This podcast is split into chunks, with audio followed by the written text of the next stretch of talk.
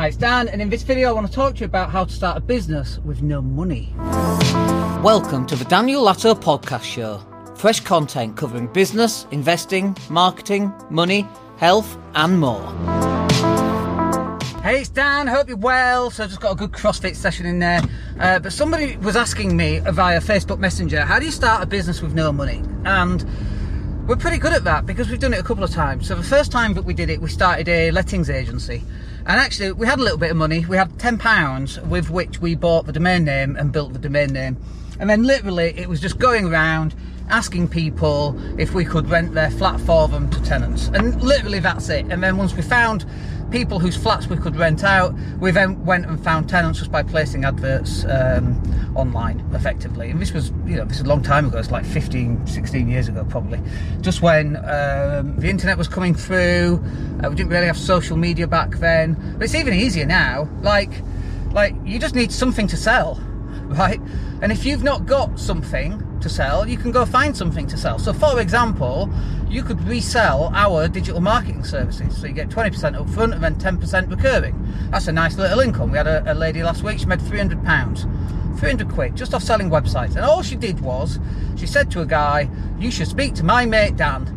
He got on the phone, we closed him, we sent her the commission money, job done. Uh, website's already been finished. So, you just need to go and find something to sell. Now, it could be anything you could find uh, somebody else's product to sell is usually easier. So, give you an example. Let's let's pick roofers, people who fix other people's roofs.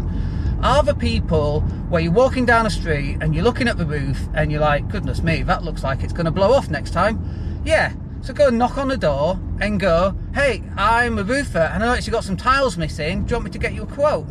That's it. Literally, that's it. And the guy goes, Yeah, I would love that. You phone up your favourite roofer. Uh, if you've not got one, go to the yellow page and say, "Hey guys, I'm just I'm just generating leads uh, for every person that accepts uh, your business. I want 50 quid in commission, right? And that's it. And then you introduce them, then you get you paid your 50 quid.